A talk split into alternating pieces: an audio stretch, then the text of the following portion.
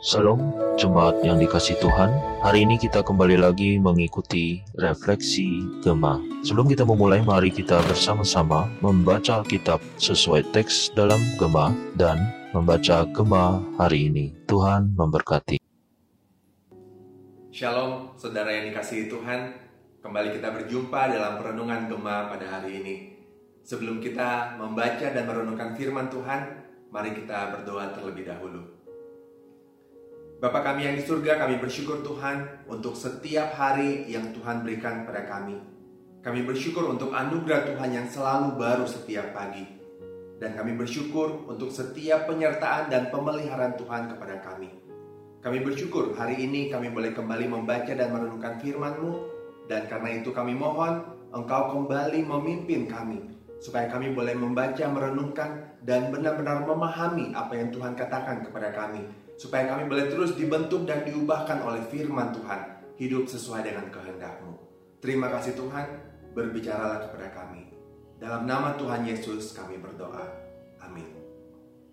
Saudara, hari ini kita akan membaca dan merenungkan dari dua Tawarik pasal yang ke-16 dan saya akan membaca secara khusus dari ayat yang ke-7 sampai ayatnya yang ke-10. Dua Tawarik pasal 16 dari ayat yang ke-7 sampai yang ke-10. Demikian bunyinya.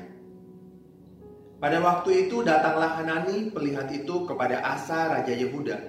Katanya kepadanya, Karena engkau bersandar kepada Raja Aram dan tidak bersandar kepada Tuhan Allahmu, oleh karena itu terluputlah tentara Raja Aram dari tanganmu. Bukankah tentara orang Ethiopia dan Libya besar jumlahnya? Kereta dan orang berkudanya sangat banyak. Namun Tuhan telah menyerahkan mereka ke dalam tanganmu karena engkau bersandar kepadanya. Karena mata Tuhan menjelajah seluruh bumi untuk melimpahkan kekuatannya kepada mereka yang bersungguh hati terhadap dia. Dalam hal ini, engkau telah berlaku bodoh. Oleh sebab itu mulai sekarang ini engkau akan mengalami peperangan. Maka sakit hatilah Asa karena perkataan pelihat itu sehingga ia memasukkannya ke dalam penjara. Sebab memang ia sangat marah terhadap dia karena perkara itu. Pada waktu itu, Asa menganiaya juga beberapa orang dari rakyat. Demikian firman Tuhan. Saudara, dalam kehidupan ini kita pernah melihat bagaimana hati manusia itu bisa dengan mudah berubah. Mungkin karena situasi dan kondisi yang terjadi dalam hidupnya. Demikian juga dengan relasi dengan Tuhan. Kesuksesan, maupun penderitaan dapat membuat seseorang itu berubah hatinya terhadap Tuhan. Hari ini kita membaca dalam Alkitab tentang Raja Asa. Raja yang semula hidup dengan melakukan apa yang baik dan benar di mata Tuhan. Setelah 35 tahun Asa hidup di dalam damai sejahtera, datanglah ancaman perang dari Baesa Raja Israel. Tetapi bukannya mencari pertolongan Tuhan, Asa malah pergi mencari pertolongan kepada Ben Hadad, yaitu Raja Aram. Sikap ini sangat mengejutkan, mengingat sebelumnya kalau kita membaca cerita sebelumnya, Asa hidup berpaut pada Tuhan. Ia pernah mengalami bagaimana Tuhan menyelamatkan dia dan bangsa Israel dari tentara orang Ethiopia yang dikatakan jumlahnya sangat besar. Tapi dalam cerita ini, Asa tidak lagi bersandar kepada Tuhan. Asa akhirnya mendapat pertolongan dari Ben Hadad, Raja Aram itu, dan ia luput dari ancaman Baesa. Tetapi tindakannya ini tidak benar di mata Tuhan. Tuhan mengutus Hanani untuk menegur Asa karena ia tidak lagi hidup bersandar kepada Tuhan. Dan dalam hal ini dikatakan Asa telah berlaku bodoh. Tetapi Asa menolak untuk bertobat Meskipun telah diberi kesempatan oleh Tuhan, bahkan ia memasukkan Hanani ke dalam penjara karena sakit hati dengan perkataan dan teguran Hanani. Saat sakit pun, kalau kita membaca cerita selanjutnya, ia tidak mau mencari Tuhan, tetapi mencari tabib yang tidak bisa menolongnya.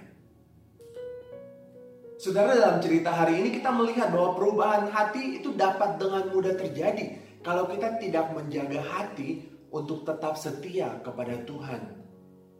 Karena itu, penulis Ibrani pernah mengutip Mazmur dan berkata, "Pada hari ini, jika kamu mendengar suaranya, janganlah keraskan hatimu.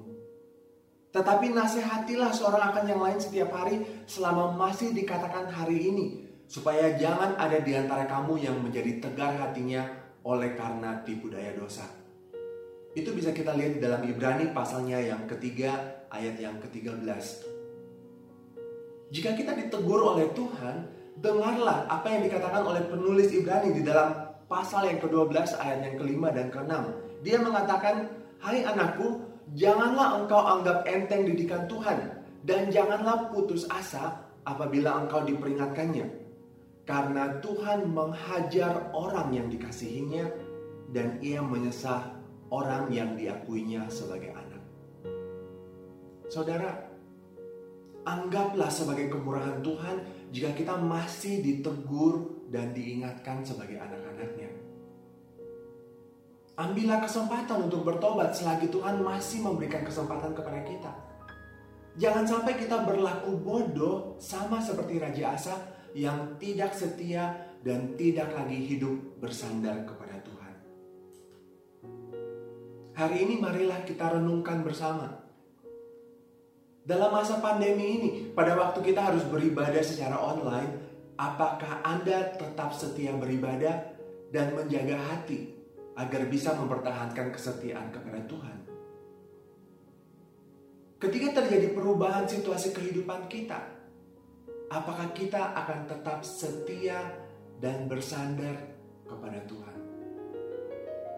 Kiranya Tuhan menolong kita untuk tetap bisa setia kepadanya tetap bersandar kepada Tuhan, tetap percaya kepada Tuhan. Mari kita berdoa. Bapa kami yang di surga, kami bersyukur sekali lagi untuk firman-Mu yang boleh terus memimpin kami, menuntun kami dalam hidup ini. Kami bersyukur Tuhan, Engkau menganggap kami sebagai anak-anak-Mu. Karena itu Tuhan masih terus menegur kami dan Tuhan masih terus mengajar kami. Kami mohon Tuhan, ketika kami ditegur olehmu, biarlah Tuhan yang juga menguatkan kami dan Tuhan yang menolong kami untuk kembali bertobat, untuk kembali kepada Tuhan, untuk bisa tetap setia kepada Tuhan. Dan biarlah di dalam kehidupan ini, meskipun kami mengalami berbagai situasi dan kondisi yang berubah-ubah, tetapi biarlah hati kami tetap tidak berubah hanya untuk Tuhan. Kami boleh terus beribadah kepada Tuhan, kami boleh terus percaya dan bersandar kepada Tuhan. Tolong kami Tuhan, supaya kami boleh tetap setia kepadamu. Dalam nama Tuhan Yesus kami berdoa dan kami memohon hal ini. Amin. Tuhan Yesus memberkati.